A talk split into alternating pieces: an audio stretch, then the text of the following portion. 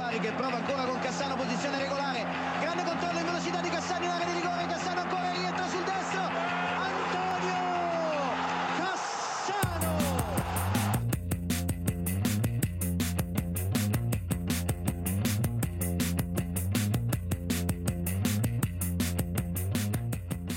E já, það er punktur að basta vikunar. Það er aldeilis nóg að gera í ítalska boltanum. Ég, Átni Þóruður, tala frá Ítalíu og með mér er náttúrulega Björn, eins og vanlega. Blesaði Björn, hvernig ertu? Já, blessaður, herru, ég er bara hrigalega góður hérna frá Danmörku, búið að vera nóg að gera í ítalska boltanum, nóg, um að vera hjá, hjá Íslandíkornum í öllum mögulegum deildum og, hérna, og þeir hafa nú verið að rata, rata í, í stóru fréttina líka, hérna, uh, Íslandingandir á Ítalíu og kannski við byrjum bara á, að- á að ræða hérna, stóra fílinn í herbygginu. Já, ég held að við verðum að gera það. Það er bara Albert Guðmundsson sé orðaði við AC Milan, stórveldið, frá Genoa, bara strax í sumar, eftir að hafa, já, svona, hengur leiti tryggt liðinu bara, já, sæti í, Serie A. Já, Silly Seasoni er, er farið að stað og hérna við höfum alltaf greint frá því áður að, Genoa, þú veist, vill halda honum en, en vermiðin á honum sé kannski kringum, kringum 10 miljonir evra og að hérna og þeir, það sé Fiorentina og Sassuolo sem hafi haft svona áhuga hinga til. Eh, en núna komið sér frétt frá, frá lokal fjölumili hérna í Ligúriu um hérna um að AC Milan hafi áhuga og, og vilji kaupa hann og sem þá eitthvað svona bakka upp hérna á, á vinstri kantinum. Uh, þú veist, við veitum ekki hversu líklegt þetta er. Þannig ólíklegt að sé hérna sé núna nú þegar einhverjar viðræður um þetta menn að sem Mílan veit ekki ennþá hvort þið verið meistrar þetta næsta ári eða ekki, vita, en að það er ólíklegt að þeir sé eitthvað að skoða þetta einhverju alvöru núna og staðan er, en, en, en það er gaman að sjá hann orðaðan hann við, við Asi og, og hérna, verður bara spennandi að sjá hvað hva, hva hann gerir í sumar. Já, ég, einhvern veginn á smá erfitt með að sjá hann fyrir mig að vera einhverju varaskifi hlutverki á AC Milan, þetta er svona, það er náttúrulega gæðvegt ef AC Milan er að bjóða í þig og, en ég held að verða að meta í hvað hlutverkin verður hjá liðinu sjáum bara eins og eins og Origi skilur koma síðast sumar uh, ná ekki að stimpla sinni lið og fá rosalega lítið að spila ég held bara Albert gömul tugga Albert er bara á þeim aldrei hann verður að spila sko. Já, en ég meina, ertu, ertu að fara að segja nei ef Asi Mílan uh, kemur og, og pikkar í þig? Ég held að það sé nú eiginlega Nei, bara það, ekki sko. það er mjög erfitt en, en auðvitað þarfstu líka að hugsa bara er, er ég að fara að spila hérna, alla leikin á næsta tímbili sko, í Serie A sko.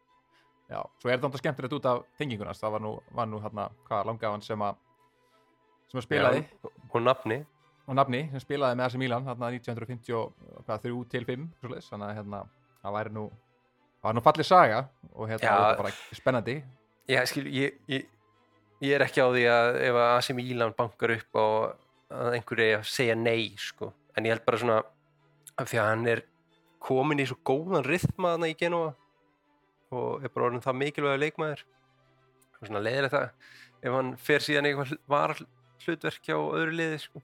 já, já, það er rétt en já, við höldum áfram bara í svona smá silly season. Uh, Spalletti það er eiginlega bara orðið nánast staðfest að hann hætti með Napolið eftir þetta tímbil Já, mjög undarlegt og hérna, svona, eh, trúðu þessu nú ekki fyrir, fyrir nei, hérna, eftir, eftir tímabili þótt að hafa nú verið einhver núningur vissulega svona vísbendingar um þetta í alveg 2-3 mánuði. Um, Já, þú veist, það það hefur það hefur reynst vera mjög slæmt, mjög slæm hugmynd að veðja gegn Díla Laurentiis. Þannig að þótt að menn núna kannski líti á eh, hérna, Spalletti eða, eða Giuntoli sportingdirektorinn sem er mögulega að fara til Juventus uh, ef menn kannski líta á hann sem hræðilegt fyrir Napoli að missa þá þá einhvern veginn hefur Laurentiis sínt að undanfærin ára hann, hann skila Napoli alltaf í, í nánast í topparatu og núna titli. Þannig að þú veist, Napoli stjórnismenn kannski panika ekkert en, en þeir hljóta svona vilja fá að vita svolítið hvað hva er, hvað er hann þá að hugsa í staðinn og, og það sem ég hef séð eitthvað rúmor hann í gangi er að, er að Gasperini komi frá, uh, frá Atalanta mm -hmm.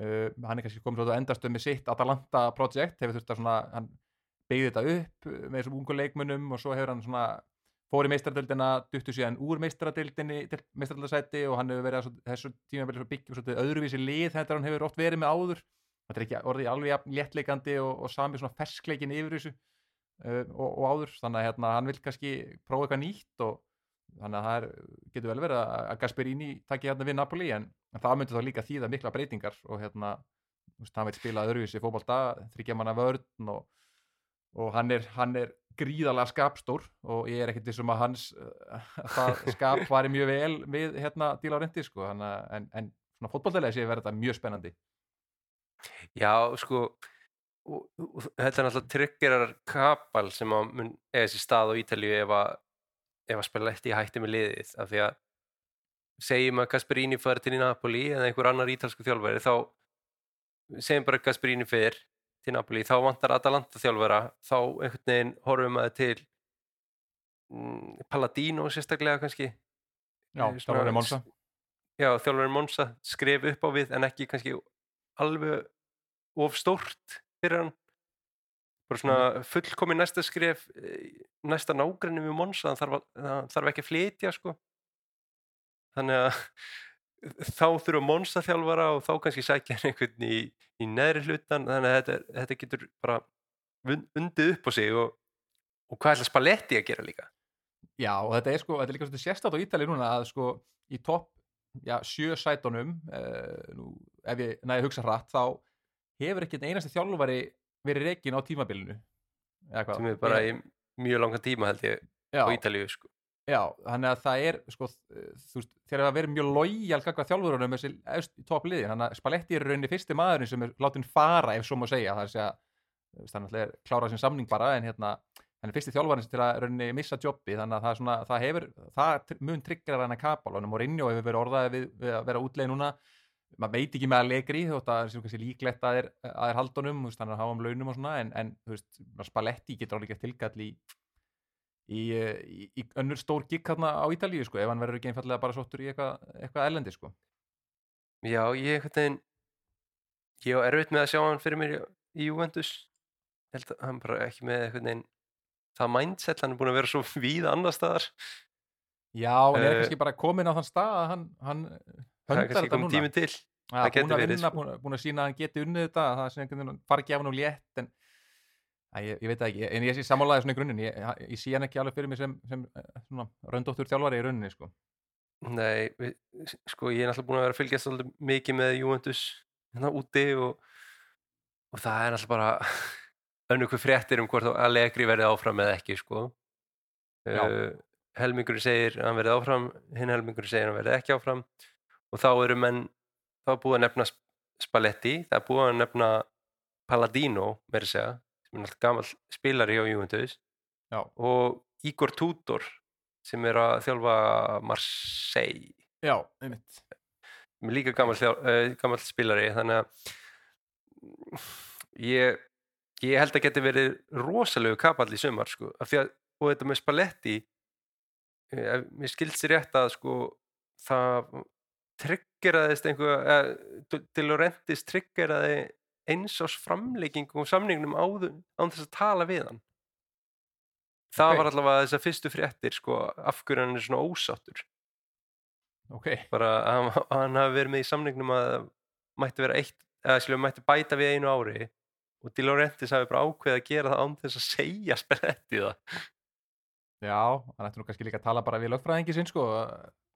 Já, Hver semur þannig að sé bara þetta einhliða þetta á þess já, ná- nákvæmlega. En, en, jú, jú, en svo er svo náttúrulega líka eins- og við rættum á hann að þessi sportingdirektorinn hjá Napoli, Giuntoli, hann hefur orðaði við Juventus en hann á eitt ára eftir að samning hjá Napoli og til að endis neytar að gefa hann upp á bátinn sko. hann, hann rík heldur í hann og vill bara að hann klári samningi sin ég held að það- það muni gangi í gegn sko, hann muni fara til Tjóndóli, Juventus já, það er, það er búið að svona það er svo sterkur orður en það er bara Di Laurentiis sem stendur í vegi fyrir því uh, og það sé einhver fundur já, á morgun. Við erum að taka upp um kvöld. Ég held að sé, hefur verið fundur á milli Di Laurentiis og einhverja stjórn Juventus um framhaldið sko. okay, það, en það, við getum náttúrulega að sé bara svona annan Juventus taki bara heilt heila stjórnana hjá Napoli að þau taki Giuntoli og Spalletti eins og, Já. eins og þau gerðu nú með hérna þeir tóku hjá Sampdoria einu sinni, þá tóku þeir hérna Beppe Marotta yfir maður íþjóttamála og Paratici og Claudio Ranieri eh, sem Já, einmitt. þjálfara, alla held ég tóku ekki alla held ég frá einu bretti. Sampdoria bara á einu bretti og hérna, þannig að þeir svona e- eiga þetta til eh, svo, þannig að það getur verið breytingar framöndan. Já, klálega og ef við förum aðeins þá bara í þetta júundismál það er náttúrulega búið að dæma á núna mínus tíu stig fyrir þetta þetta capital gain máls það sem þau að þeir eru að græða því að selja leikmenn á yfirsprengtu verði eða, eða svona fixing the books Já, búa til svona falskan söluhagnað í, í Já, bókarnum. og þeir fótt mínus tíu stig 20 myndum áður en að kick-off eða 25 myndum áður að kick-off er á móti Empoli í 37. umferð deildarinnar. Bara, og, og, og hver er ástæða fyrir þetta tíu stig?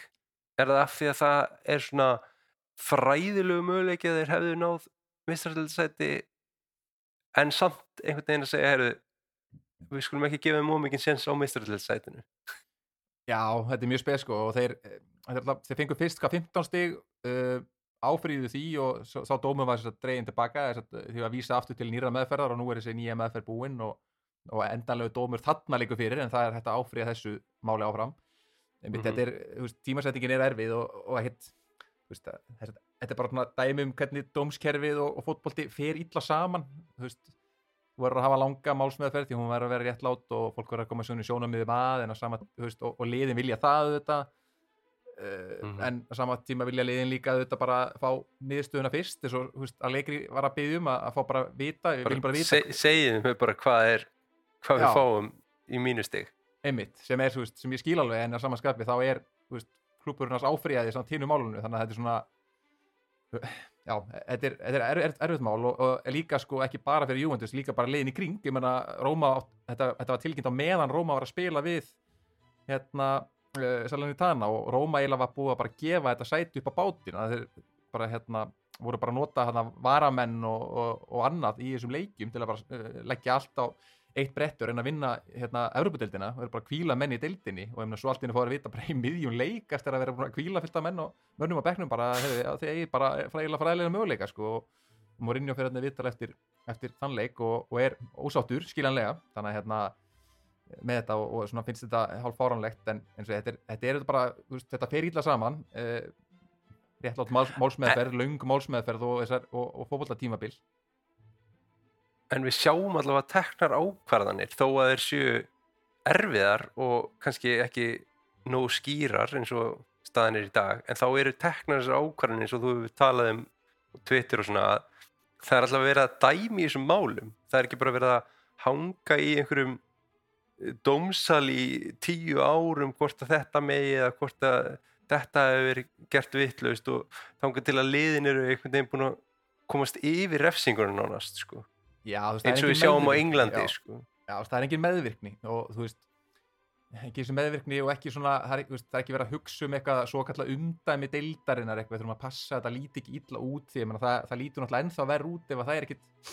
gert í svona málum til langstíma sko. Þannig að hérna, það finnst mér en þetta er alltaf sárt að, sjá þetta og ég meina, þetta máli heldur ekki alveg búið eins og segja þeir, þeir munu vendalega eitthvað held ég áfríða þessu en svona mér er svona líklegt eh, þegar þetta er búið að fara í gegnum núna tvisvar að, að, að niðurstaðan verði eitthvað í, í mjög nálagt því sem að hún var núna Uh, en svo Mhm. eru þetta önnum mál sem býða og, og það kannski að, það sem að Júventusmenn hafa mestar áhyggjur að þeir kannski voru búinir að sætta sig við það að þeir myndu missa einu tímabili í Evrópu uh, þá kannski næsta tímabili en svo er bara útliti fyrir það að það gæti verið að það verið dreigi aftur stiga það með næsta ári fyrir út af öðru máli sem er þá þetta. COVID-launamál þegar hérna, sagt, uh, gerðu hérna samninga undir borðið við leikmennum að þeir myndu fresta uh, þeir sögðust, leikmenni sögðust uh, afþakka greiðs, launagreiðslur uh, til að hjálpa félaginu en í rauninni gerðu þeir eitthvað samning undir borði við að, um þeir myndu fá launin setna og, hérna, Mhm. og, og þetta er sérstaklega gróft vegna þess að klúburinn er skráður á marka þannig að þetta er náttúrulega bara veist,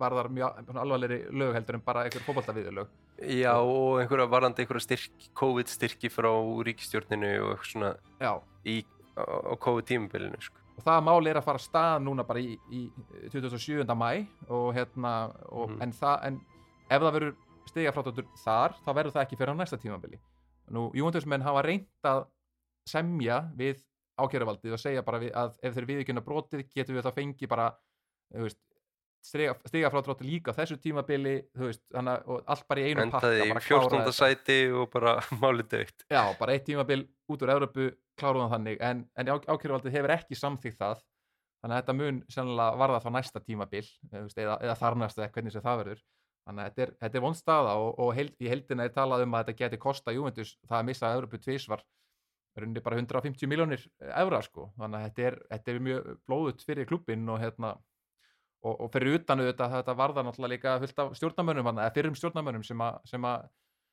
hérna, munu líka verið í, í einhverju vandræðum sko, og vera ákjæru þá sérstaklega kannski fyrir sinn þátt í þessu, það er svona eftir að, eftir að koma aðeins meira í ljós þetta, þegar þetta mál hefst saman, allt saman núna í, hérna, í, í lókmæði Já, þetta verður allavega mjög áhugavert fylgjast með þessu af því að þetta hefur svo þetta er svo fordæmisgefandi líka því að Napoli og Osimhen dýtlin ef að Juventus var að gera eitthvað capital gains með Pjanic uh, á móti, var ekki Artur?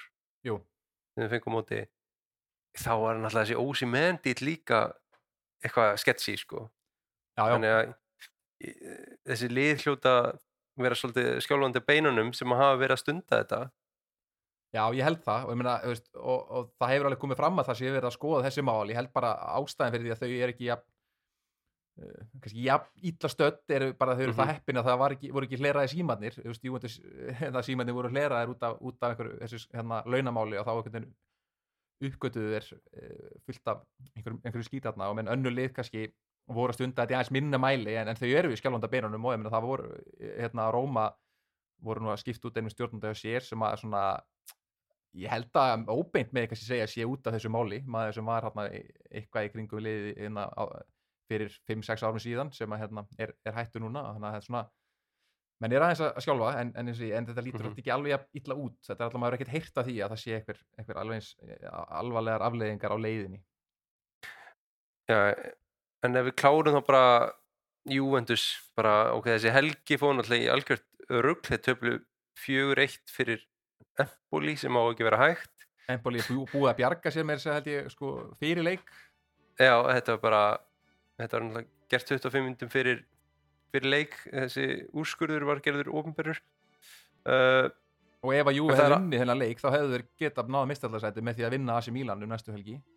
Já, nefnilega mjög, sko. mjög sérstök sérstakur leikur í, í alla staði. En það er annað vandamál í Juventus það eru lánsmenn í Juventus og bara samningsmál leikmanna. Hvernig þá?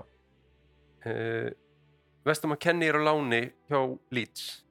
Já, hann er ekki hann, hann er ekki fara til Leeds. Eða skilur, þeir eru örugglega að fara að falla. Já, og þeir veit hva- hvort þeir fá eitthvað fyrir hann eða hvort hann kom bara aftur. Uh, Dennis Zakaria sem var hjá Chelsea. Chelsea eða ekki? Jú, maður bara gleyma því sko eða skilur, hann er kiftur á ég veit ekki hversu mar, mikið pening þarna bara 5, 6, 7 miljónir og á, há, bara háum díl og er eiginlega verðlaus gekk ekkert hjá Chelsea. Bara lánaður í Sirkus, Sirkus Chelsea, já. Uh, Kulusevski er held ég ennþá leikmaði Juventus. Já, það er, Það er ég heyrði nú talað í vikunni bara svo hann var að leiðin aftur til, til Juventus, ég veit ekki Já, það er ekkert víst um að hann hann uh, verði áfram hjá tóttinam það er ekkert alltaf konti sækir hann og hann er ekki þannig lengur. Já, einmitt. Og síðan Artur hjá Liverpool. Já, sem, sem var sko það var uh, option to buy á einhverjum 35 eða 7 miljónum evra fyrir Liverpool hann er náttúrulega bara verðlaust það alltaf er ekki að nota það option eða ég held þér alltaf að spara þann penning sko. Fekk, hérna, fekk, fekk Artur líka kvæðjustund á, uh, hérna, á Anfield eins og fyrir mínu um helgina eða? Herru, nei, því miður ekki sko. hann á einhverja 12 mínútur eða eitthvað fyrir einmitt þannig að þeir eru bara með risa þeir heldur kannski að þeir verið að fá 100 til 130 miljónir fyrir þessi leikmenn í, í glugganum skilur auðvitað eins og Kulisevski er sko það átti að vera 40 miljónir uh, Vestum að kenni einhverja 25 Artur mögulega 30 og eitthvað. Sem er náttúrulega eitthvað verilegt ofumat en já, það, það er peningamandræði í, í Torinoborg. Já, já, þetta er basl og hérna, ég segi, og, og, og við, ætla, síðan við, hérna, heimlis réttur saman síðast, þá hefur Júventus sem er dottið út úr Evropu, þannig að þeir komist ekki í úslaleikin hana gegn, gegn Sevilla, ég veit ekki þú vilja ræða þann leik eitthvað? Já, það var reyndar ágætis leikur hjá Júvendis, það var alveg fullt af færum og bara skemmtilegt að horfa á þetta. Já, Ég held að miklu skemmtilega heldur á heimavelli eins og oft á þessu tímbili það er, er aðeins minni pressa útvelli finnst mér já, en þetta var, þetta fór í framleikingu og, hvað, Já, töpuðu þar, já töpuð í framleikingu en þeir eiga að vinna hennar leik en það er annar mál, það er náttúrulega bara allt í ruggli. Kiesa Kiesa getur ekki spilað þess að bjarga lífi sínu sko. hann er bara hann er ekki saman leikmaður sko. og var hérna fyrir tveimur árum sko. Já, ok, það eru me meðslinn bara að taka sem tóll já, bara kerfið sem að leikri er að spila bara hendar hann ekki og framherjarnir Keldir, Lávits og eh, Mílik og Ken Já. þannig að þetta er, er vandræði Já. en Sevilla mæti Róma í úslitaveik eftir að þínumenn já bara lokuðu markinu Já, þetta var bara eina af þessum Evropaframistöðum uh, Jose Mourinho sem að hérna eru komin í úrstæðleikin er eða Róma hafa ekki skora marka útivelli ennþá í, í hérna í útsáttakeppninni eftir riðlakeppnina og þau skoruðu heldur ekkert í öllum útæðleikjunum í, riðlakeppninu heldur. En hérna unnu 1-0 á það heimavelli og með marki frá Eduardo Bove hennum unga og hérna svo var þetta bara já, klassísk Mourinho framist í, á útivelli og þú veist þeir fengu eitt færi í svo, þegar voru fimm minútur eftir uh, þegar ég held að hann var að fara að skora hérna eitt frammeir í þeim en an, fyrir utan það þá var ég bara frekar rólegur sko, eins og svo oft í Evrópu einhvern veginn. Ég, ég er nú sett á oft áður hérna í ústaleikurinn í konferensleikur fyrra þegar ég bara slögt á sjónvarpinu eftir hálftíma sko. Veist, þetta var Já. pínu þannig þú veist, bara vörðust vörðust frekar vel. Þeir, uh, veist, þeir náttúrulega eru með Dybala í meittur það verið bara að kapla upp í tíman að koma honum aftur inn í eh, kom inn í úrslaleikin Smalling er meittur, hann sem kom svolítið inn á hann að síðustu tíu til að hjálpa til að stanga boltan í burtu, þeir náttúrulega hafa verið að spila undanfæri með Brian Cristante hérna, hérna Brian Air, eins og hann er kallaður, Cristante í, Mhm. hérna, í Hafsend og, en Smalling kom að inn og, og þeir eru svona að endurheimta einhverja og eru bara að spila menn í smá stand þarna, Vænaldum eh, spila þarna svolítið og svona hérna, þetta var bara fín framist og, og ég sá að leðugursum menn voru afskaplega ósáttir og eru náttúrulega komin með Mourinho á heilan eins og, eins og allir eh, gerist við alla sem að tapa fyrir honum og voru ósáttir með hvað Róma tafiði mikið en, en eins og ég byrti nú Twitter á hann leiktímin í þessu leik var nú bara nákvæmlega jafnlengi og vennilega leikur í, í búndeslíkunni sko. þannig að þú veist, þetta það, enn og aftur, bara fólk, fólk færa hann alveg á heilan og, og hérna, var nú ekki alveg við, við raukast í eftir alltaf Nei. En þeir eiga Róma á bara eitt skot held ég á markið eða, eða hvort það var jafnvel, ekki einu svona á markið sko. þeir voru, voru aftarlega en, en leiður sem skapa sér bara ekki neitt. En hvernig verður þetta þá í Budapest? Er þetta ekki Budapest úslitaleikurinn Jú, það var Tirana- Tiranaði fyrra og Budapest núna og hérna, jú, þú er eins og þetta Dybala það, það er mjög tvísýnt með hann. Eh, svona, hann var aðeins komin aftur en svo er núna verið að tala eins og hann sé bara jafnvel muni ekki spila neitt en ég held að sé svo sem bara Mourinho aðeins að spila einhverja mind games ég, ég er svona á vona því að hann spili allavega að taka einn hálfleik eh, hvort sem hann byrja bekknum Mhm. eða, eða, allavega, eða byrja, byrja leikinn þá ég held að hann muni spila allavega stóra hluta á veista leiknum og hérna og Smalling verður vantilega hann líka og ég held svona þeir muni ná að pína menn, þetta er ústita leikur og, og, og þeir vita svo sem alveg bara hvernig þeir ætla að spila þennan leik það er, það er ekkit lindamál, það er bara Dybala og Pellegrini sem eiga að búa okkar til og svo vonandi Tammy hérna upp á toppi Mhm. að hérna næra slút einhver. Já, ég, ég hefði náttúrulega bara aðalega áhugir af því að skora útivelli ef þeir eru ekki í Róm sko, já, af því að úslitaleikurinn er annars staðar.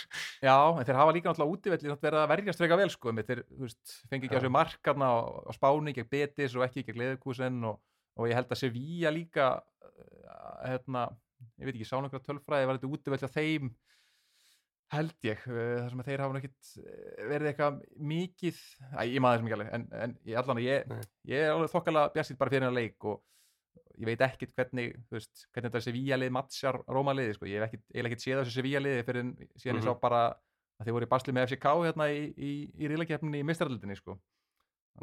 Hérna, en veist, við það eru mennarnir svo Erik Lamela og svona mikið af innfættum innfættum mönnum Papu í gæði. Suso og Papu Gómez og, og fleiri kongar hérna þannig að hérna, þetta verður Isco var náttúrulega fyrir áramót en hann er farinn þannig að þetta eru Já, gæði. Súso er þeirra isko sko. það er bara það er svona lár þingdapunktur og góð skot já, hann skoraði mitt gegn Juventus já, ok, já, einmitt hann er já, hann er, hann er innfættur og hérna, en, en hrikalega góður og alveg meila líka, hann alltaf við þekkjum mannir Rómurjar gríðarlega góður hjá Róma hann er hérna, en þetta, svo mæta er Morinni á vegnum og, og þetta er bara spennandi já Ma- maður bara hlakka til eiginlega sko. það er alltaf skemmtilegt þegar að Mourinho fyrir í er það er fáið betri en hann í úslitaleikjum sko.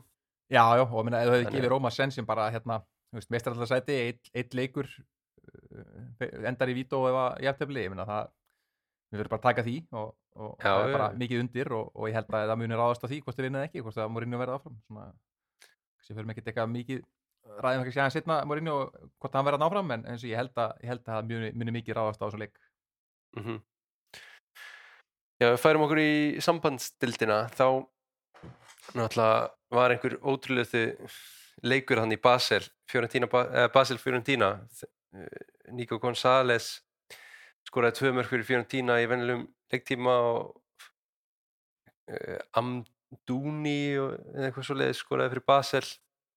Þannig að það var 2-1 uh, eftir vennilega leiktíma og framlengt. Kemur ekki Barak Já. Antonín Barak framherri Fiorentina sem hefur svona verið já, upp og niður á þessu tímbili finnst mér.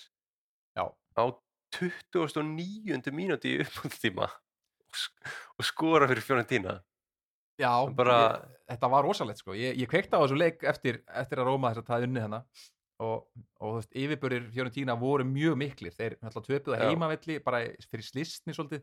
Og ég var búin að nefna Mhm. það í síðasta þætti að, að veist, Fiorentína vann sko legg postan eitthvað 4-0 á útivelli eða eða 3-0. En Þeir, þeir hafa verið sterkir útivelli og, og þeir já, enda á að fara í framlíkingu hérna, vinna Basel 2-1 úti og fara þá í framlíkingu. Nico González með frábæra leik, svo eru bara yfirbörni miklir í framlíkingunni nema hvað svo gerist það að það er stuðnismæður hjá Fiorentina megin hérna sem hnígur niður upp í stúku og Já. leikurinn er stöðvaður hérna í bara heil lengi og, og leiknarinn að vellinum er að komast upp í stúku og það er læst þarna hliðið auðvitað svo að stuðnismenn Fiorentina get ekki hlaupið inn á völlin en það þarf að finna einhvern, einhvern með hérna, húsvarðarleikrakipuna og, þar hleypur einhvern einhverju stú, upp stúku og hann er endurlífgaður og það er farið með hann kert í burtu með hann í sjúkrabíl.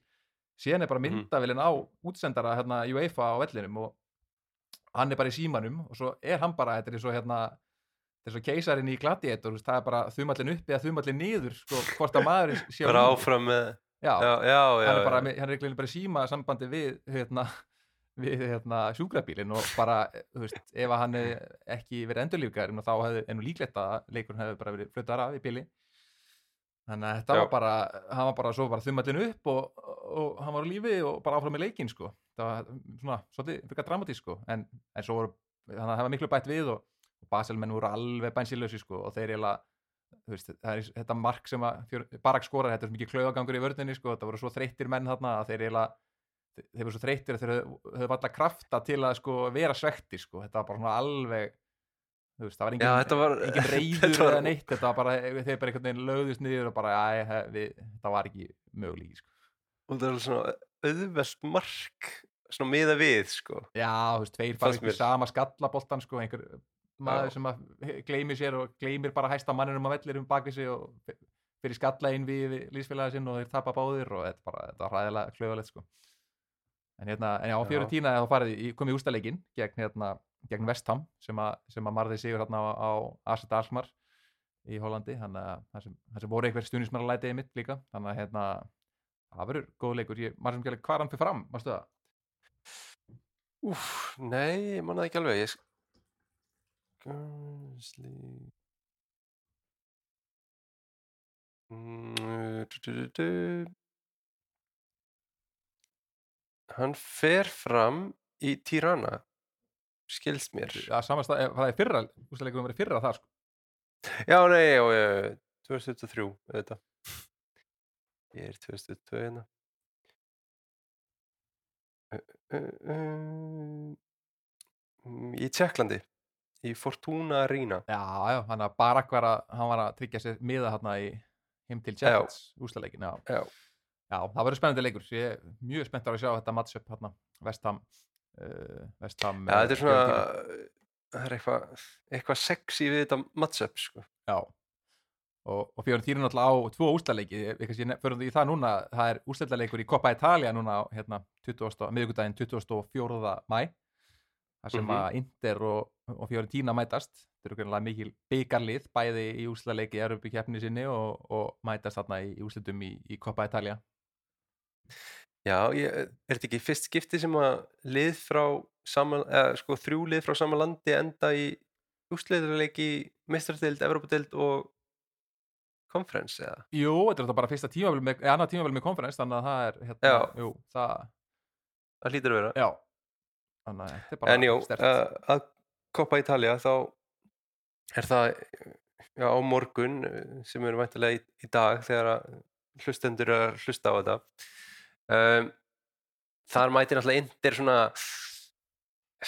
já, bæði leik kannski með hugan við annað af því að Coppa Italia kannski aðeins minni titill heldur en Evropatitlar já, og sérstaklega fyrir fyrir Inter sko, að já, möguleika mistradeldinni sko.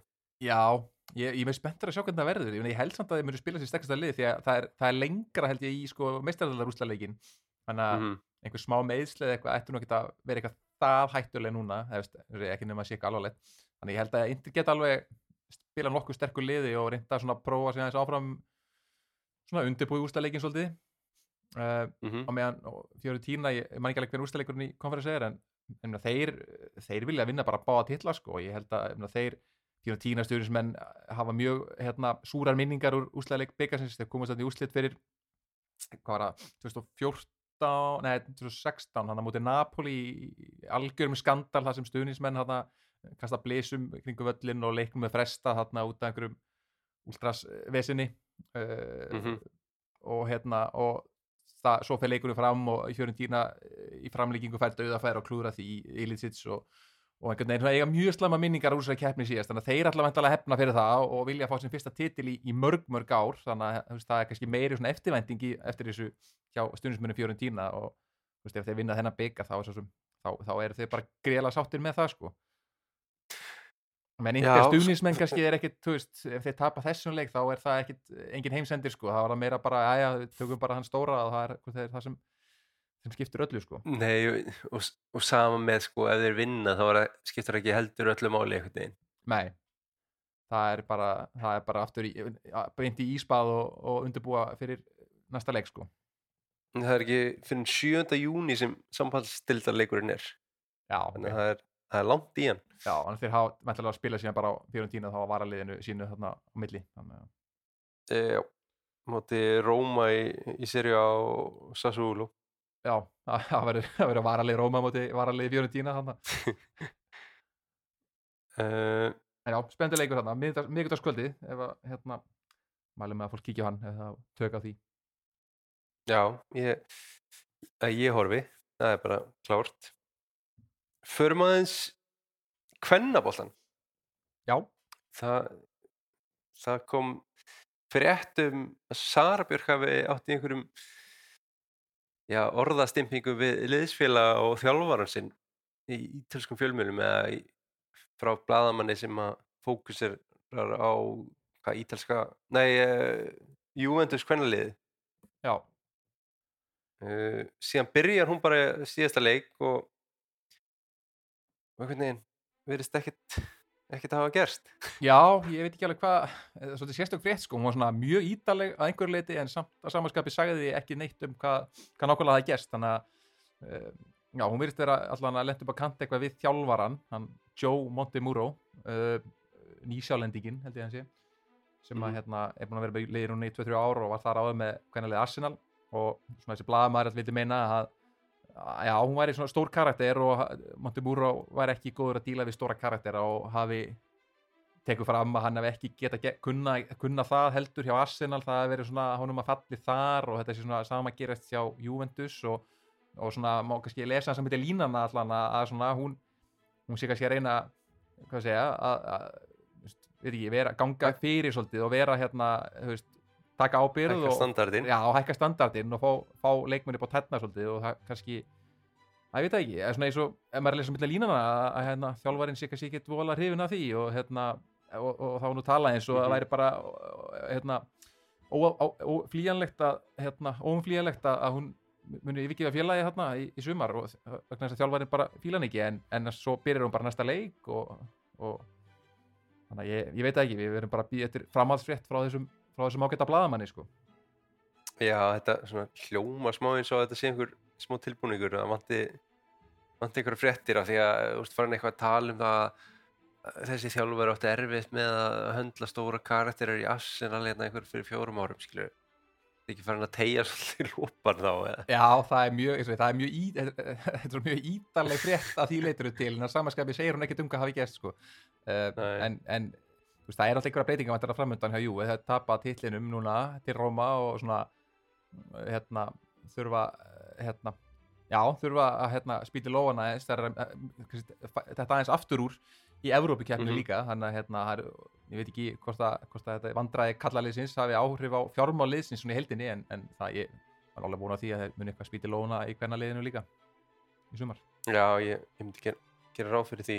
Þær töpuðu sem sagt fyrir Fiorentina þar sem að Alessandra Jónsdóttir eh, skoraði tvö mörg með bara virkilega vel gert. Já, annað er alveg bara smelt honum upp í vinkilinn. Mm náskott og hérna hún er búin að vera bekknum aðeins út af þetta leiki, ég er svo sem held að væri bara eitthvað svona einhver meðsli, eitthvað taktist en, en hún ætla að svara það fyrir sig og byrja hennar leik og, og skora tvö og er maður leiksins og, og hérna já, bara góður endir á tíðanbylni á henni. Uh, svo sá ég einmitt einhverja, einhverja frétt um að, að þjálfari leysins hjá Fiorentina Patricia Panico verði þarna ekki áfram. Það var líka eitthvað, það var nú einhverja fréttir uh, um svona klefa vesen þar líka fyrir á tímanbylnu en hérna það er enda tímanbylni stert Fiorentina og spurning hvað hvað þeir gera, hvað það gerir í sumar hvort að hún verði, Alexandra verði áfram og, og hvaða þjálfari kemur að inn. Það er alltaf gott þegar að uh, leikmenn enda tímabili vel. Það er svona, svona nýjast í minninu sko. Já, taka Já, sjálfstöði með. betur skoraði hann ekki tvö gegn Júvendus Jú, jú, við það er bara geggja, við verðum að hafa hana. Já, mjög stert og Anna Björk spilaði tapi gegn þínum konum í Róma. Já, það töpuð hann að Inter tapað fyrir Róma í bara upp djúftinu upp á tíma og hérna, mm já hún er búin að spila, annars spilaði síðustu tvo leikina held ég, en svo held ég að samningur hennar sé að renn út núna í sumar eh, eftir tímabilið, ef mér skallast ekki. Já. Og það er ekki leikur hjá AC Milan fyrir en 27. mæ það er borgarslagur Já. Það er vættalega, Um, já, vonandi spilar annað en eins og ég, Guðni er búin í þessi aðgerð þannig að hún, hún er, spilar ekki held ég meira á tímabilinu. Nei. Já ef við höldum okkur við Íslendingana þá var alltaf gaman að sjá Bjarkastein og, félagin í Foggia. Já, þú, þú horfður á þann leik? Já, ég gera þannig reyndar ekki en ég er með, ég er með uh, mína menn í, hérna, sem fylgjast með Serious C fyrir mig, þeir mína heimilda með þar sem að, sem að láta mig vita eitthvað mikilvægt gerist. Og hérna, já, þeir þeir eru að tapa fyrir leiknum þeir, þeir voru í 16 lega úrslutum í, í umspilinu um að komast upp úr Serious C. Það eru hérna 30 lið sem að gera upp um eitt sæti í, í, í, Serious B. Og í 16 lega úrslutum þá mættu þeir þarna hvað þetta er uh, nafnið á liðinu þarna? Audace eitthvað. Já, þetta er allan öðru lið þarna frá Já, Audace eitthvað. Uh, tapað fjögur eitt á, uh, á útivelli og Bjarkistedt skorað það mark hann skorað það, sko, þetta er svona Van Basten mark, svona bolti mm svona yfir öxlina, volley í fjærhóttnið, markmaður svona aðeins slær til boltan sem svona, þú veist, dregur aðeins úr því en þetta er samt bara gjör svona bilað mark og, og hérna maður hugsaði nú eftir leikin að hann hafi haldið þeim inn í þessu einví þótt að auðvitað maður held kannski að öll von væri úti, tapa fjögur eitt fyrir leiknum. Uh, voru bara yfirspilaðar það víst svo mæta þær að heimavöllin Foggia og þar snúaði leiknum við bara það er 0-0 fram á 70. okkar mínútu, þetta er 74. þá mingaði munin eftir, eftir mikla orra hríða að marki á Datsjemanna allan, allan leikin mm og svo á 94. mínútu þá skoraði hérna stórglæslegt mark bara smelt upp í vingilinn rétt fyrir utan teig og svo í uppbóta tíma þá eh, bara 97. mínútu síðast að spilna leiksins þá, þá skoraði eftir hotspilnu hérna 3-0 og fara þar með áfram. Eh, samanlagt 4-4 en það sem Foggia var ofar í töflunni þá eh, þegar tímabili kláraðist þá fara þeir áfram sem er auðvitað ágættis regla sko í svona play-offu kannski. Já, það, já það, það er endar þú segir það, þá er það bara mjög góð regla. Já, þetta er nefnilega liðið sem er fyrir neðan þurfa aðeins meira heldur en hitliðið sko. Já, þú veist, serju sé play-off er flókið, sko, ég nenni ekki að fara yfir reglunar en þú veist, það, þetta meikar allt saman senn, sko, það er búið að, búið að hugsa fyrir öllu þarna. Og, og þú veist, þetta, var, þetta voru double header og, og fyrstu umferðinar eru bara single header og þetta er að, búið að hugsa fyrir öllu. En þeir eru komin áfram og e, mæta Crotone núna í, í þá e, eitthvað áttaliða úslitum uh, mm -hmm. sem er þetta mjög erfitt Crotone voru svo endur í öðru seti í reilunum sem að Foggia voru í og, og auðvitað eru lið sem var í serju A og serju B bara fyrir örfáðum ára síðan þannig að þetta verður, þetta verður bastl en bara harður slag og, Já, og, suður... og jafntefli dugar væntalega ekki Já, nákvæmlega, þurfa, nú þurfa þeir að vinna þannig að hérna en eins og ég bjargist hérna með gott rekord í, í, í, hérna, í playoffs og bara með hann inn á vettinum sérstaklega þá hafa verið lið með alveg lífið rekord þannig að hérna, mm -hmm. hann er menn vita þetta hann í súrinu það er hérna, hjátrúinu mikil þannig að þeir get ekki tapað með hann er inn á. Bara, hann er sænaði fyrir playoffsi já en það fór ekki alveg að vel hjá, hjá uh, Emil Hattreis og félögum í Virtus Verona þeir dutt út þarna held ég gegn Pescara í, uh, í uh, 16 legusturum þannig að hérna Emil fer ekki upp í, í bjöldildina að sinni. Nei. Um, að öðru playoffi þá ja, triði Venezia sér í playoffið fyrir að komast upp í séri A og eiginlega ótrúlega nátt við vorum alltaf bara við það að falla þarna í janúar þegar hann kemur. Eins og við erum oft talað um hvað hann er búin að snúa þessu gengi við og það var alltaf dramatíkin bara í bjeteldinni þarna í síðust umferðinni. Já, það er hérna Venezia spilaði um gegn Parma í síðust umferðinni og voru í play-offsæti fyrir umferðina og tapa þessu leik gegn, gegn Parma uh, og það voru öll leik sem höfðu einhverja að keppa en ná samt að slefa inn í umspilið og það var nú, það var nú Mhm. Palermo sem að, uh, var að býti það, býti það súra epli að þeir duttu út úr play-offsæti bara á, með síðustu spinnu tímabilsins það var hérna Mhm. þegar eh, Regina held ég sem að skoraði og kom þá upp í áttundarsæti og, og Palermo datt þarna niður og, og fara ekki í play-offið eftir að hafa verið í rauninu toppartu og, og svona ofalega í töflunni bara eh, mest allt tímabili þá, þá hrundi þetta á endarspettinum hjá þeim. En Venezia satt, fer, í, í play-off og þær mæta einhverjum öðrum en eh, Claudio Ranieri og félögum í eh, Cagliari. Ranieri tók hann við Cagliari á, á miður tímabili eða í byrjun tímabils eftir, eftir lélega byrjun og fór með þá í, í play-off og þannig að hérna Venezia Já, mætir það er sem sagt, eitt leikur sko ef við förum og örlítið yfir á bjetildar playoffi þá mætast þess að hliðin í 5. og 8. sæti og 7. og 7. sæti um það að fara síðan að spila við 3. og 4. sæti já og það er heldur bara einn leikur fyrst það er bara sagt, og þar þarf hérna, þar þarf Venezia að vinna Cagliari meðan Cagliari dugir sér jafntefli og svo verður þetta header í, í, í setni umfyrunum þannig að þetta er, mm -hmm. þetta er spennandi þetta er tækifæri fyrir Venezia og þeir, þeir, hafa áður, áður slefað inn í umspil og farið upp í aðild og, og þú veist, eru búin að enda tímabilið á góðu rönni og það er mikilvægt svona, í playoff að koma inn í það á, á rönni þannig að Mhm. hérna, ég er bara við spenntur að sjá hvernig, hvernig þessi leikur fer Já, ég, maður fylgist vel með þessu um, Já, ég gleymdi að nefna mér finnst svona svolítið skemmtilegt að sjá það að Albert fekk uh, Albert Guðmunds í, í Genova fekk einhvers konar viðurkenningu frá stuðnismunum Genova sem besti leikmaði tímabilsins. Já, er það ekki, sá ég á Instagram. Er það ekki þau, þau, hérna, þau velun sem að skipta mestu máli? Er ekki þeir sem að, Jó, þeir sem að elska það er mest fólk, þeim skal maður heyra sannleikan það er fólki sem kaupir treyðunar sko. Já, nákvæmlega. Þannig að bara gríðarlega viðkenning og hérna bara gaman að sjá. Meina, þetta er, hann er svona kreativitíð í sóknarleiknum þeirra. Þeir eru með Mhm. mikið, mikil vöðabúnt hann að miðunni og, og, og strækjar í, í Massimo Kota og hraða kannski öðrum en, en hann er með þetta kreativitíð og svona tæknilegi hérna, tæknilega tíjan hjá þeim. Þannig að hérna, bara gaman að sjá og ég, við rættum hann í byrjun þáttar en bara ríkilega gaman að sjá hvernig, hvernig honum vegna hérna á næsta tíðanbili hvað sem hann nú verður. Hvar sem það nú verður um, ja, höldum okkur aðeins bara á þessum Ítalju slóðum en förum aðeins út fyrir Ítalju Roberto De Serbi þjálfarinn sem við elskum að tala um hann var að tryggja Brighton ja, fyrst skipti í Evrópu fyrir þann klúb bara þvílingur árangur sko. Potter fer og, og De Serbi í ráðinn og einhvern veginn bæti bara árangurinn.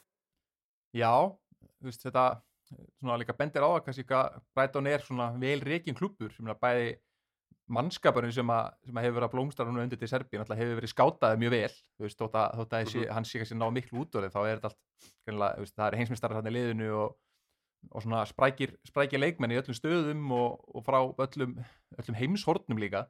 Þannig að hérna bara vel reikin klubur og, og það að þóra að taka til Serbi þarna þú veist, frá auðvitað, og þar sem hann var svolítið eldapinningana frá Ítalíu, þar sem hann hafði verið með Sassuolo og, og, og Foggia í mitt og, hérna, og Benevento og fleiri, þannig að hérna bara kútos á þá að, að þóra að taka hann og, og hann, það hefur heldur betur skila árangri og, og mitt bara spurning Mhm. hvað, hvort að hann verði með það áfram með ekki sko, Þú veist, ég kemur ekkert óvægt ef hann fengi eitthvað gig nú strax. Þú veist, ef hann fær eitthvað gig, hann myndi bara taka því sko. Því að, að þakkið sko- á klúbnum er kannski, veist, það er ekkit ég held að sé ekkit mikið eftir á- á- áður en að rekst í þakkið með hennar klúb sko. Nei, ég mitt, ég held að hjálpunni samt alveg á fara í Evrópudeldina með þeim veginn, já, bara að fá reynslun á því sko. já, meni, ef hann getur hann getur ekki að mánta eitthvað Európarönn hann, þetta er svona klúbur sem er engin pressa, sko, nema bara pressan sem þið búa til sjálfur og þannig ég held að það getur þetta hjálpað honum, kannski að, að þú veist, frekar en að vera eitthvað að reyna að komast upp í topp fjóra sem er náttúrulega fáránlega erfitt þarna á Englandi með, bara með við peningana sem er verið að eyða að, að frekar það er kannski einbytta sér að góðu Európarönni og, og annars staðar og reyna kannski að svona einn, einn óvendur Európatitill eða eitthvað svoleiðis fyrir, fyrir hennar klúb sko og sína það að hann getur Mhm. unnið titla það er náttúrulega hann hefur aldrei unnið titil á efni sko hvorki sem hvorki held ég sem leikmaður nýja sem þjálfari sko nema hann hann hefur unnið Mhm. við sagt þetta ég man það alveg ég man ekki alveg hvernig hvernig úgrænska deildið fór þarna Nei, var ekki bara flautuð af. jú, kannski náðu ekki að klára heilt tímabli með það skiptir ekki öllu. Uh, já, ég held að við séum svona bara nokkuð tæmdir sko, já, varandi, bara stuttuð þáttur í dag. já, við ætlum við menda þetta bara á topp top 5 lista var það ekki, þú ætlaði næst að segja Herru, ég er að gleyma því. Ég ætlaði líka að segja að við ákveðum nú að fara ekkert eitthvað allt of ítalega í umferðina sem var að líða. Kannski bara svona, við nefnum helstu úrslitin, alltaf AC Milan valtaði við Sampdoria. Uh, já, bara öll neðstu þrjú liðin töpuð. Cremonese tapaði fyrir Bologna 1-5. Cremonese er þá tap- endanlega fallið og samt Dóri auðvitað Já, já, og Hellas Verona tapaði fyrir, fyrir Atalanta en mínir menn í Spezia er gerðið jafntöfli 0-0 við Lecce við mína menni Lecce, já já, þannig að, að þeir eru komin stíi en Verona. Já, þetta er Verona, Lecce, Spezia er bara, þetta er bara dogfight um, þetta er um bara hvort upp á, upp á já, síðustu síðustu mínútuna held ég. Já. Eh, Torino gerði jafntöfli við Fiorentina Napoli þarna vann Interlið. Og Lazio ja, triði Champions League sæti unnu út í nesi og, og út af því að Juventus misti þessi stig þá, þá voru þið búin að tryggja sér. Og þínir menn í Róma gerði jafntöfli við Salernitana eins og þú talaðir um áðan. Það var fókusin var kannski ekki alveg á dildinni þarna. Þeir vissi ekki hvaða möguleika það rætti Nei, svo lendum við bara í Kandreva í, í, í drauma stuði, sko, hann skoraði hérna fyrsta marki sem hann skoraði, ég Mhm. mæli með að menn bara kíkja á þetta, þetta er svona Del Piero-esk svona volley, svona kemur bolti yfir vörnina hann svona liftir honum áfram á volleyinu alveg bara galið mark, sko. Þannig að Mhm. hérna bara, þú veist, skoðuð á það og, og, og þurrki og sleðið Díja náttúrulega og Díja náttúrulega líka með mark eins og alltaf Já, skoraði með, með hælspyrnu það var þetta svona hljómar flott þegar ég segi hælspyrna en það var svona, það var ekki alveg eins svona klín og þetta hljómar. En, en, en já, hann var, hann var mjög góður í þessu leik líka. En förum þá í topplistan. Já, fyrir við topplistan áður en Eh, við kannski endur síðan á, á að ræða þessi meistar þetta úslita leikin Já, þá það var náttúrulega hjólriðakeppnin Giro Italia sem er í gangi núna þess dagana á Ítalíu. Ég bý hérna í Bra í, í Pjömont í héræðinu það var ég man nú ekki hvað dagur dagur 12 eða eitthvað sliðis sem að byrjaði hérna í Bra skemmtileg upplifun að standa hérna við ráslínuna þegar að hjólriðakeppnir lögðast að með, og bleika treyjan fremst náttúrulega Já, varstu, varstu heillaður að þessu? Já, ég heitlaðist alveg smá að þessu. Ég bý bara alveg í miðborginni, eða miðbænum og var búið að henda upp sviði hérna um morgunin og byrjaði að blasta tónlít klukkan 8 um morgunin og kynna liðin og það var promovídeó og fullt af fólki með alls konar bleikan varning og ég veit ekki hvað og hvað. Það var mjög skemmtilegt. Já Þetta er, þetta er tilkomið mikið Þú ert náttúrulega í svona hjólreiða spandex svona stemmingu svolítið. Já, ég á bæði hjól og, og spandex og hjálm og ætlar að hlaði í topp 5 lista? Já, við ætlum að hafa þetta bara topp 5 uh, ítalskir hjólreðamenn sögunar Ok, Þegar við sögunar þá er svona alveg bara þá sögu sem að ég man eftir. Uh, og við byrjum á manni sem að þurfti reyndar að hætta í Giro d'Italia þetta árið út af COVID. Það er er að leika á að grátt þarna í, í, á Ítalíu. Þannig að hérna fólk, menn eru með grímur hérna þessu á milli sem þið hjóla. Hérna, hérna, en það er heimsmyndstarinn í, í brautarhjólröðum eða satt innan dýra Filippo Ganna. Hann er með Er hann í 5. sæti? hann er í fymtasæti hann er hérna Já. viðnefnið Top Gunna sem er, ég þarf að útskýra það sko, það er wordplay á Top Gun. Það er lélegt Já, wordplay? Já, uh, já, sem að Ítalir elska Top svona, Ganna.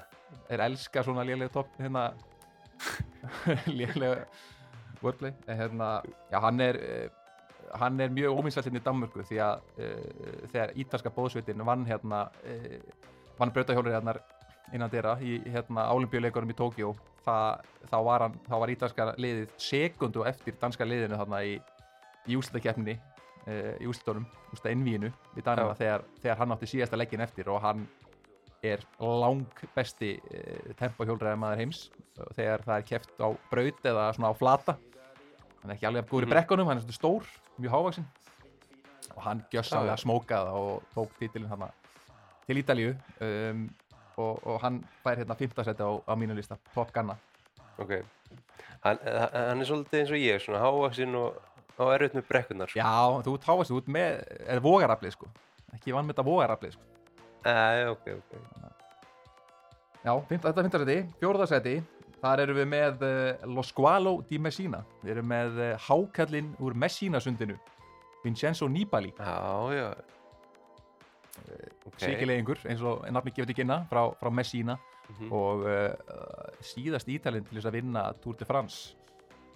Þannig að hérna þetta er, hann vann það hvað, 2007 eitthvað svoleiðis, þannig nú ansi langt síðan. Og þótt að ítalir í segi eiga fullt af góðum hjólriðamönnum og hinsmistara og annað þá, þá hafa kannski ekki verið að ríða feitum hesti í, þessum- í stórum, hérna, stóru keppnum Tour de France og, og Giro d'Italia. Þannig að hérna, þá, Mhm. þá vantar svolítið hennan svona general classification, svona gulu bleikutreyju keppenda. En hérna Vincenzo Nibali var, var það auðvitað en, en var líka að keppa á þeim tíma að hérna þegar menn voru að sprauta uh, ansi miklu uh, löglegu og ólöglegu í sig. Aðalega ólöglegu Eh, Armstrong tíminn eða ekki? Jú, einmitt. Þannig að þetta var Vincenzo Nibali, hákallin í Messinersvindinu uh, Þriðasæti, þar erum við með Ivan Basso og það er auðvitað annar annar eh, svona uh, gæði sem var að keppa mikið um samanlætsegurinn í þessum stóru hjólrækkeppnum hann var með viðnefnið Ivan Il Terribile eða Ivan Grimmi ef við notum íslensku þýðinguna á, á Ivan. Grimma. Og já, Það er eitthvað Rúslands keisar eða ekki? eða? jú, og ég veit svo sem ekkert tenginguna tenginguna við sko, ákveður hann kallaði Grimmi, veist, hann var bara eitthvað svona mjög slánalegur ítalskur bartameistari sko, hann í kringum 2005 uh, 2010 og hérna, Mm og er bara, já, bara mjög nettur hjólreiðamaður og, og svona, kannski svona ítal, eitt af svona nafn sem að menn á Ítalíu þekkja, að vita allir hver Ivan Basso er af einhverjum, einhverjum ástæðum, þannig að hérna, hann, hann Mhm. fær þriðasæti Ok, uh, annars Annarsætið, og nú erum við komin upp í, upp í mikla konga, það er eh, sjóræningi sjálfur, Marco Pantani. Marco uh, Il Pirata Pantani sem var hérna mjög lágaksinn hjólræðamæður uh, með Mhm. ringi í eiranu og nauða sköllóttur og með svona bandana oft þegar hann var að hjóla. Hann hjólaði þeim tíma þegar menn voru ekkert alltaf með hjálm, sérstaklega í þessum svona fjalla hérna, leggjum. Þá voru menn, hendur menn hjálmunum, og voru bara með húu eða, eða bara skallanum og svona mjög Ok. iconic hjólræðamaður og, og vann hérna Tour de France 97 uh, síðasta árið áður en Armstrong fór að vinna og, og allir þessi titlar voru, voru dæmdir satt, uh, ókildir uh, Mhm. og hann sagt, gríðarlega vinsall á Ítalíu, mjög karismatiskur gæi og hérna en, en bara því miður eins og ég fjall síðan á líf, lífaprófi og endaði í, í, í neyslu á, á eitulufjum og, og dó af ofstórum skamti á lokum uh, svona og, og fjall fyrir eigin hendi ég vil talið og hérna og bara þýlík þjóðasorg þegar það gerðist og, og eins og ég, gríðarlega vinsall á Ítalíu. Þrátt fyrir þetta, þetta livja Lífjamál, þá einhvern veginn bara þótt hann, já, hann var mjög vinsall á Ítalíu og mönnum svona mönnum þykir og þótt, þótti og þykir mjög sárt hvernig, hvernig það endaði allt saman hjá, hjá honum. Já, Þannig að hann, já, það var annars þetta, hérna, sjóraníkin og þá er erfitt að, toppa það en það er einn maður sem gerir það og það er Mario Cipollini. Og, Mario já, Cipollini. og bara eins og nafnið gefið til kynna þá er þetta bara eh, flamboyant playboy af gamla skólanum. Það var sítár Já. og babyolja og, og þröngir búningar. Þú veist, hjólreiða búningar eru þröngir en hann svona tók þetta á næsta level. Og þú veist, hann var með nýjustu flottustu græjurnar, eh, flottustu búningana. Hann kefti einhvern tímann í svona svona bodysuit sem að var svona búið að mála á eins og að væri svona hvað við segja, eins og að væri svona vöðvar svona vöðvarfræði Já, já, já, undir já. alveg svakalega iconic búningur og hérna og bara eh, já, mikill playboy og var hafði kannski meiri áhuga á svona skemmtarnalífinu utan hjólreiðana en var mjög góður svona Mhm. tempo hjólreiðamaður og sérfræðingur í sprettum sem, sem er mjög típist fyrir svona fyrir svona típur sko Fyrir svona Já, glumkosa. mikill glumgósi og hérna og ég heyrði mitt sögu af honum hérna í einhverju, einhverju hérna, einhverju Dani sem sagði mér sögu að hann hafi mætt til, eftir að hann var hættur í, í hérna Tour de France og svona atvinnuhjólriðum þá mætti hann að svona, taka þátt í einhver svona sýningarmóti svona sýningarhjólriðum hérna í Danmörku og það var einhver Mhm. sponsor frá Jótlandi sem hafi borgað einhverja uh, sumur til að fá hann til að keppi einhverju, einhverju hjólriði keppni hérna og sótt hann á flugullinn og upp á hótelherbyggi og, og þú veist, sagði hann hvað hann átt að mæta og eitthvað, svo þurfti hann að sko ringja, ringi í hann um morgunin, hann var ekki mættur. Þurfti að fara og sækja hann upp í hótelherbyggi og það var ekki, ekki upp á hans eigið hótel, heldur bara einhvers, eitthvað allt annað hótel og það sem að eh, hérna, Cipollini hafði vaknað e, svona ansi illa fyrir kallaður og, og var dröslað á marklínuna og, og hjólaði stað og svo, svo var hann spurður svona, svo var og þá spyr hann einhvern sem var að hjóla með sér já, betur, hvernig, hvernig er þetta með þessa veist, er ætlurinn að ég að vinna þetta? Og það segir hann, já, já, getur hún alveg gert það. Ef, við getum það. Já, já, þá bara, svo stakk hann af í lokin og, og vann þetta, bara vel þunnur og góður að því. Þannig að hérna Mario Cipollini, það er hérna Það er þinn það maður er nummer maður eitt. það er ekki hægt að, hægt að segja hann Ég er að skoða þennan bodysuit hérna, þennan uh, Da Vinci búning sem hann er að keppi í þann. Þetta er rosalegt. já, þetta er eftir alveg sko, þetta var mjög flamboyant mjög hérna, já, alltaf útofnu þarna Já, hann er líka með frekar iconic sólgleru. Einhver gemveru sólgleru.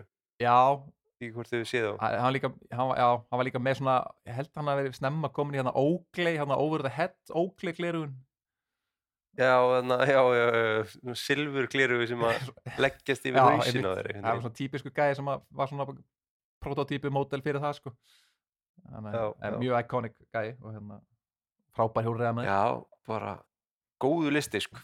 Þetta er mjög góður listi. Ég þarf einhvern veginn að kynna mér betur þessa menn, sko. Ég held að ég sé hákallsmaðurinn, sko, Já, frá Messina. Vincenzo Nibali, já, það er, Já. Það er velvalið. Þú færið bara hjólu og spandex og þá tjónar einhvern klú- hjólaklúb að núti, ég verð til í að heyra, heyra sögur þaðan. Já, ég kem með sögur eftir sumarið. Um, þá að máli máluna, loka málinu, það er náttúrulega bara þessi úrslitaleiku við meistaradeildarinnar sem að, já, fólk býður eftir. Það er náttúrulega, er ekki vita hvað hann verður haldinn almennilega. Það er eins og kostningar í Tyrklandi er að setja svolítið úr skorðum. Já, Þessi setni umferð, hvort að, eh, já, maður veit ekki, bara, það er einhvern veginn ekkert örugt. Ef að Erdogan vinnur, hvort það verði óerðir, ef að uh, hinn aðilinn tekur sigurinn á endanum, hvort að það verði þá líka óerðir, sko. Það er einhvern veginn, ég, því hljóta að vera farin að hallast að Portugal eða, eða Þýskalandi. Ég held Portugal eða ekki. jú, ég held svo sem, ég, ég, ég, ég myndi setja peningi minn á að það farið fram í, Tyrklandi, en, en já, það er rétt að þetta er, Já. maður veit ekki, þetta er svolítið tvísýnt þarna. Já, uh, en að leiknum sjálfum, þá já, eru Indermenn fara náttúrulega í þetta einvíi sem underdogs. Það er alveg klárt Já. mál. Uh, bæði náttúrulega bara af því að þeir eru ekkert að spila á þessu tímbili ekkert frábærlega í deildinni og þetta mannstu sitt í liði náttúrulega að vinna til þriðja árið í röð. Hva, hvað svona, hvernig heldur að upplegi hjá Inder verði? Sko, ég styrir eða kannski meira áhugast að pæla í svona hvernig upplegið á Master City verði, af því að, veist, þeir hafa, uh, í- gegn Real Madrid þá var mjög augljóst að þeir sætt- sættu svo mikið við, við eitt stig á útivelli og því að þeir voru bara vissir um það að þeir myndu ná að klára þetta auðveldlega heima. Eða, þeir, ættu, þeir bara sett á það heima og, og unnu leikin, mm Mhm. þeir unnu einvið fannst mér úti með þess að ná bara eitt eitt jafnlefli því þeir voru miklu betra heimavelli.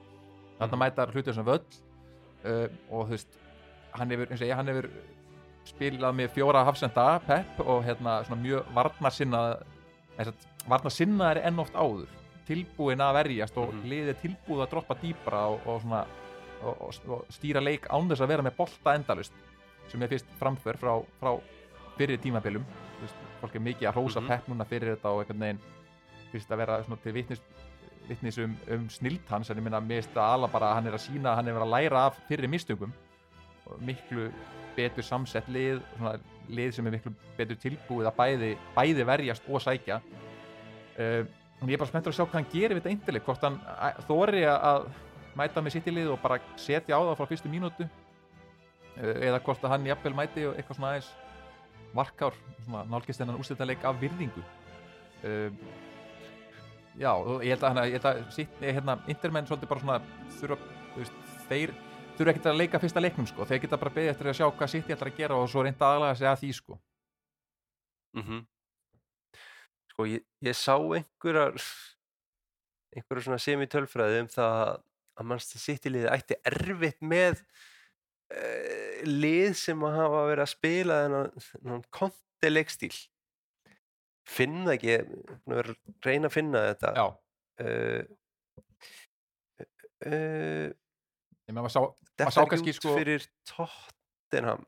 Jú, og maður sá samt líka á móti Real Madrid miðjan hjá Manchester. City mattsaði ótrúlega vel miðjuna hjá Real Madrid að þegar miðjan Real Madrid var svo gömul og mm gat ekki verið að loka svæðum í allar þessar mínútur og maður sá það bara þegar Bernardo Silva var lausan í teiknum þegar skorar uh, og, og annað, þú veist, þeir voru bara að finna rosa mikið svæði hérna í kringum miðjumenni hjá Real Madrid hjá Inter þá eru Mhm. þeir miðjumenn tilbúnir þú veist, þeir eru mikla hlaupagetu og eru alveg tilbúinir að hlaupa og tjöflast og loka þessu svæðum endalist þannig að þú veist, City Mhm. mun ekki veist, komast jafn auðveldlega í gegnum miðjuna held ég hjá Inter og, og þau gerðu hérna tíma hjá, hjá Real.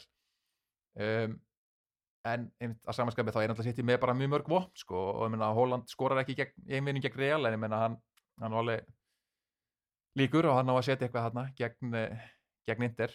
Um, þannig að eins og þetta verður barst hjá, hjá Inter en þeir verða bara að treysta á góða varna fram í stuð og svo eru þeir með einstaklingsgæði framúið og kannski þú veist, eh, smá X-faktora um að Lukaku byrjar bekknum að hann það er ekkert gaman að fá hann á sig sko, hann- síðast hálftíman Nei, hann er líka bara búin að vera að spila vel síðkastið, hann skoraði um helgina já, um, Napoli, þannig Edin Dzeko er frábær, veist, hann er gamall en hann sko, og hann er kannski ekki með hraða en hann er samt mjög góður í þessum counter-attacking fótbolta því að ef hann nær líka mann fyrir framann varnamannin þá er varnamann ekkert að fara að ná honum einhvern veginn með því að veist, hlaupa hann uppi því að hann bara heldur þeim frá sér og hann síndi það líka veist, með Róma þegar þeir sló út hann að Barcelona í þessum fræga leik hvernig hann einhvern veginn mm og, og í fleiri leikjum, veist, hann er, hann er mjög klókur og, og svona góður counterattacking framherji, þannig að hérna og, og þetta er allt, hérna Inter er að fara að sækja allt öðruvísi heldur þetta Real Madrid-lið eru með þetta tvo strækara upp á topp þess að vera með Lautaro og, og Dzeko að vinna saman veist, þannig að þetta verður svona, veist, það verður allt öðruvísi leikur hjá, hjá hérna, Inter, allt öðruvísi taktík sem að þeir eru að spila heldur en Real Madrid þannig að verður, ég er mjög spennt að sjá hvernig Pep leggur þetta upp, veist, hann hefur þegar hann vann meistarallildina hérna, e, Master United í úrstaleiknum 2009 þá, ég veit ekki hvort fólk muni eftir þeim leik alveg, en fyrst þá byrjar hann hérna, þann leik á að liði leggst pínu tilbaka veist, allir halda þeir séu að fara að halda boltanum í 90 myndur en svo einhvern veginn leggst hann aðeins tilbaka og Master United -hmm.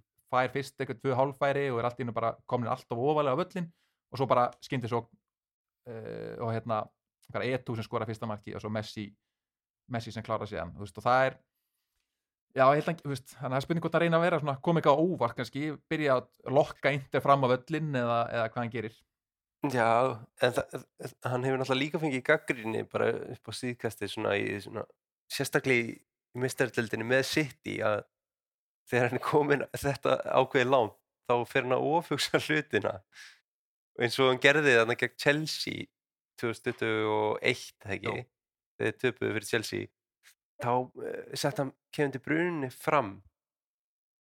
Já, var ekki með framherja já, já, og þá voru bara allir erum við okkur að gera þetta núna skilur, komin í ústilaleikin og þú tekur á, þess Já, ákvörðin ég held bara hann bara, hann vera tilbúin einhvern veginn samt til að verjast meira núna, ég held að sé bara aðeins tilbúin, svona hrættari við að fara of framalega með liði, sko, eða kannski svo kemur hann kannski mér óvart og bara eh, pressar á það frá byrjun, sko, gerir bara eins og hann gerði þarna heimavelli uh, gegn, gegn Real, já, sko. Real en, en þú veist, það kemur samt ég held hann muni aðeins byrja rólega og reyna að ferja að þreifa á Inter og, og vinna sér inn í leikin menn þetta er úrslitaleikur, þú, þú veist að far, byrja úrslitaleikur á því að setja harkalega á anstæðingi, það er mjög djarft.